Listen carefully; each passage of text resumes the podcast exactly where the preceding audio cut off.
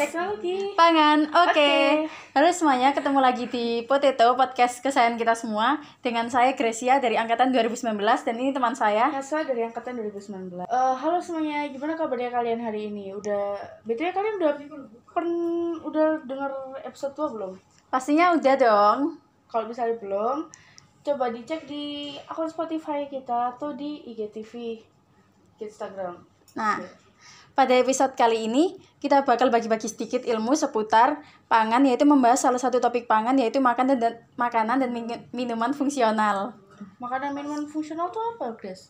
Nah, menurut Suter 2013, pangan fungsional adalah pangan yang karena kandungan komponen aktifnya dapat memberikan manfaat bagi kesehatan di luar manfaat yang diberikan oleh zat-zat gizi yang terkandung di dalamnya. Pangan fungsional alami merupakan pangan fungsional yang sudah tersedia di alam tanpa perlu pengolahan sama sekali. Contohnya buah-buahan, sayur-sayuran yang bisa langsung dimakan. Oh, jadi kayak makanan yang bersat tinggi atau yang rendah lemak gitu ya contohnya? Nah, bener banget. Oh, nah terus kalau minuman fungsional tuh apa? Nah, kalau minuman fungsional sendiri itu menurut Duweni dan Trihaditya 2017, minuman fungsional merupakan minuman yang mengandung nutrisi atau bahan-bahan yang dapat meningkatkan status kesehatan untuk mencegah timbulnya penyakit tertentu. Jadi kayak minuman-minuman kayak minuman isotonik sama teh herbal gitu ya Nah, sebenarnya. iya betul. Untuk lebih lengkapnya, bakal dijelasin langsung oleh dosen-dosen teknologi pangan UPN Veteran Jawa Timur di cuplikan wawancara berikut ini. Gitu. Waalaikumsalam. Pak, namanya Bapak kan Pak Andre Pak ya? Iya. Nama lengkapnya siapa? Andre Yusuf Trisna Putra. Bapak mengajar matkul apa saja selain kimia dasar?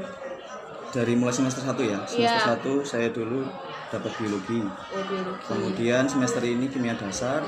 Kemudian ada teknologi daging dan ikan. Ada teknologi perisa atau flavor. Iya. Kemudian pengemasan dan penyimpanan. Baik, Pak, cara mengajarnya Bapak kalau di kelas kan saya lihat itu itu sabar terus terang. Terus yang buat saya agak-agak kayak apa kaget itu pertemuan terakhir. Kenapa? yang kisahnya Fadil dan Fana itu kenapa bapak kok mengajarnya seperti itu? Apakah ada alasan? Oke gini, jadi kan sebenarnya konsep pembelajaran itu kan banyak modelnya.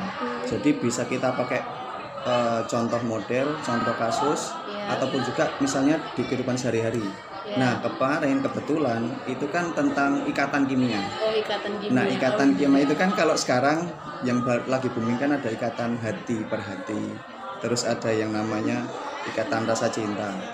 Makanya kemarin itu saya pakai apa namanya modelnya itu seperti itu. Jadi biar mahasiswa itu biar tahu, oke kalau ikatan ion seperti ini, ikatan kovalen seperti ini dengan contoh yang lebih gampang sehingga mudah diterima sama mahasiswa. oh terus karakteristik murid yang paling disukai pak ini kayaknya ini bakalan banyak yang kepo ini pak Kenapa? Kok Ya. ada pertanyaan itu? ini sebenarnya itu bukan dari kita Hmm. tapi kita juga kepo karena mungkin kakak tingkat kita kepo dan jadi adik tingkatnya juga ikut kepo ya pak ya tolong maafkan Oke, kalau karakteristik murid atau mahasiswa sebenarnya kalau yang paling suka itu adalah dia yang cerdas, aktif. Jadi dia selain aktif di perkuliahan, dia juga aktif di organisasi ataupun di UKM UKM. Soalnya apa? Jadi soalnya kalau dia aktif di organisasi, aktif juga di perkuliahan, dia nanti insya Allah kalau pas lulus dia nanti punya bekal hard skillnya punya, softnya juga punya. Jadi nanti dia bisa bekal untuk cari pekerjaan ataupun buat pekerjaan sendiri kayak gitu. Oh oke. Terus Pak kita masuk ke materi ya. Itu apa makanan dan minuman fungsional menurut Bapak itu apa sih? Jadi kalau menurut saya pangan fungsional itu adalah pangan yang masih dalam bentuk segar ataupun olahan yang dapat memberikan efek kesehatan di luar dari eh, fungsi nutrisinya. Jadi kalau kita tahu kalau nutrisi itu kan ada karbohidrat, lemak, protein. Nah, itu kan memang sudah sebagai kandungan nutrisi. Nah, kalau untuk pangan fungsional di luar tiga itu.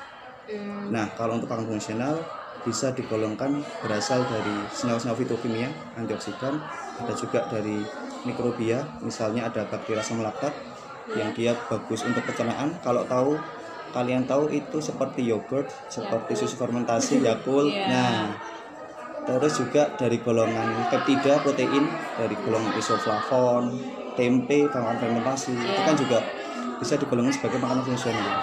Karena dia dalam takaran yang eh, satu porsi ataupun takaran normal itu dapat memberikan efek kesehatan ataupun mencegah dari penyakit. Berarti ada korelasinya Pak ya sama yang Bapak Bapak ajarkan makulnya ya. Kayak apa tadi teknologi Daging dan ikan, Ya. kemudian juga ada satu lagi yang lebih dekat itu evaluasi gizi Oh ya, evaluasi gizi. pengolahan pangan. Nah itu itu cukup dekat juga dengan pangan fungsional. Bapak dulu kan jelas ya Pak ya. Bapak kan pasti mengajari mahasiswa untuk mengolah tersebut ya dari matkul yang Bapak ajar. Nah dulu Bapak pas Bapak kuliah, Bapak pernah nggak buat? Kalau untuk pembuatan ataupun tentang riset itu belum. Soalnya kalau saya dulu risetnya tentang pengemasan dan juga penyimpanan makanan. Tapi kalau untuk ada praktikum ataupun ada karya ilmiah saya sempat buat yaitu seperti pembuatan fermentasi seperti itu. Hmm. Mungkin ada pesan yang bisa disampaikan buat para pemirsa dan mendengar. Mungkin terus sama suka duka jadi dosen itu apa pak? Kan banyak soalnya yang ingin jadi dosen. Ah, suka dukanya, sukanya itu saya selalu ketemu dengan orang-orang yang baru, dengan semangat baru dan juga karena selalu ketemu dengan anak-anak yang muda, jadi saya juga merasa terus muda. Awet muda, ya. Bapak sendiri kan juga masih muda. Iya. Ya. Kalau pesannya pak buat para pemirsa dan pendengar. Kalau pesannya, kalau untuk mahasiswa silahkan jadi mahasiswa yang aktif, baik Oh, di dengerin perkuliahan ataupun di organisasi. Jadi manfaatkan selama empat tahun ini kalian berada di kampus, itu nanti mengasah perkuliahan, materi tentang perkuliahan dan juga materi tentang kehidupan. Jadi cara hidup, cara berkomunikasi dengan orang lain seperti itu. Ya, makasih pak ya atas waktunya. Ya, sama-sama. Ya, Assalamualaikum pak. Waalaikumsalam. Assalamualaikum Bu, Waalaikumsalam. Bu Rasida. Iya, Saya Anastasia Pratiwi dari Angkatan 19. iya. Pertama-tama Bu, boleh tahu Bu nama lengkapnya Ibu siapa? Ya, Nama saya cukup cukup pendek, Rasida. Mungkin gelarnya yang agak panjang. Oh. Jadi saya gelar saya Dr. Rosida SS STP MP. SS itu apa Bu? Sarjana Sastra Inggris. Oh iya. Eh, selain bahasa Inggris ya Bu, kan kita tahu cuma bahasa Inggris Iya. ya. Ibu mengajar mata kuliah apa? Nah, kebetulan saya mengajar teknologi pengolahan pangan, kemudian ilmu gizi, kemudian ada mata kuliah pengendalian mutu, Hmm. kemudian uji indrawi. Jadi mata kuliah yang pokok-pokok kebetulan saya yang megang gitu.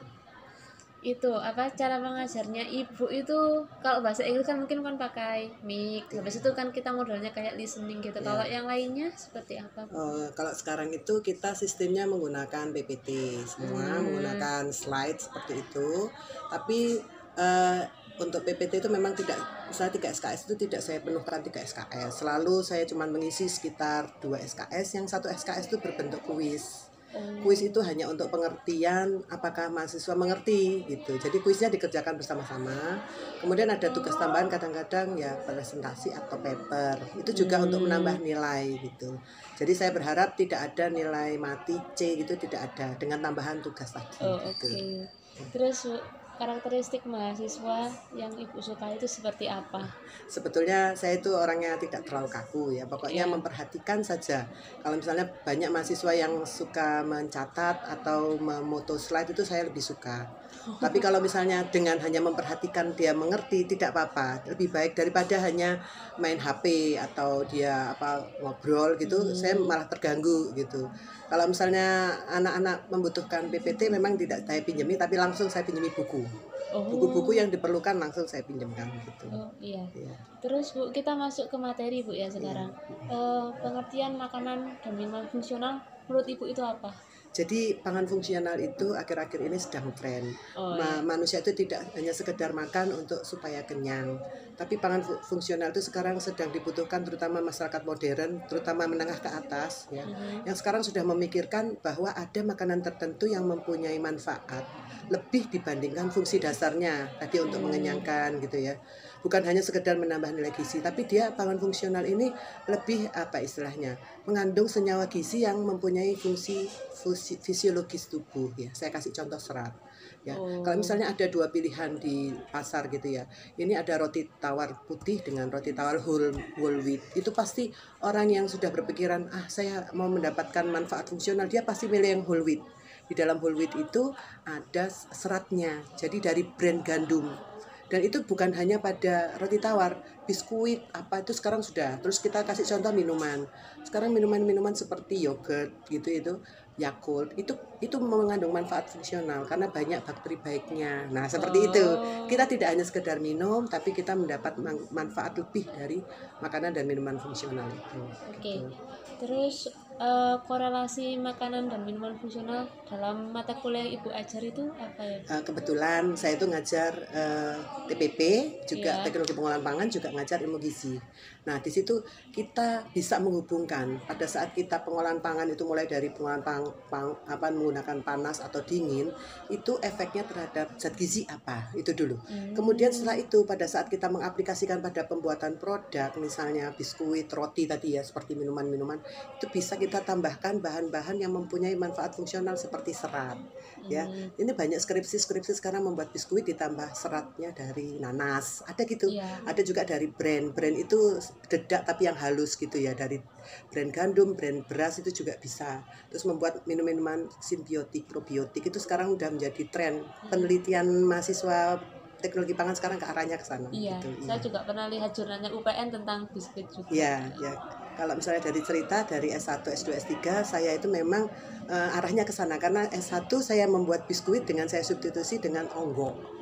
Onggo Oh. itu serat dari hasil limbahnya bikin tapioka. S2 saya membuat juga biskuit tapi dari pati resisten. Pati resisten itu juga anu, apa namanya makanan fungsional. Jadi dari pisang, tepung pisang yang dipanaskan didinginkan tuh meningkatkan pati resisten. S3 juga begitu. Jadi memang eh, saya konsisten di serat itu tadi makanan fungsional. Kalau Ibu kan pernah ya Bu ya tadi pas kuliah membuat makanan minuman fungsional. Kalau mengajari mahasiswa itu Ibu pernah mengajari makanan dan min- minuman fungsional apa saja? Kalau di praktikum TPP itu kita memang di buku praktikum tulisannya membuat biskuit gitu. Tapi pada saat praktikum anak-anak dilakukan proses substitusi. Nanti dengan mensubstitusi misalnya dengan tepung singkong 0, 5, 10, 15. Kita melihat dari nol eh, dari substitusi itu apa yang berbeda teksturnya, warnanya, rasanya gitu. Eh, apakah sampai substitusi 15% masih disukai seperti itu. Jadi kita sudah mulai pada saat praktikum sudah mulai memasukkan eh, apa istilahnya praktek-praktek memasukkan makanan fungsional gitu pada saat pembuatan eh, biskuit ya. tadi. Untuk yang praktikum-praktikum lain bisa ditambahkan gitu. Jadi anak-anak sudah mulai berpikir bahwa makan itu tidak sekedar makan tapi harus mempunyai manfaat lebih gitu untuk kesehatan. Iya. Terus Bu itu apa suka dukanya Ibu menjadi dosen apa? Ya, suka duka ya.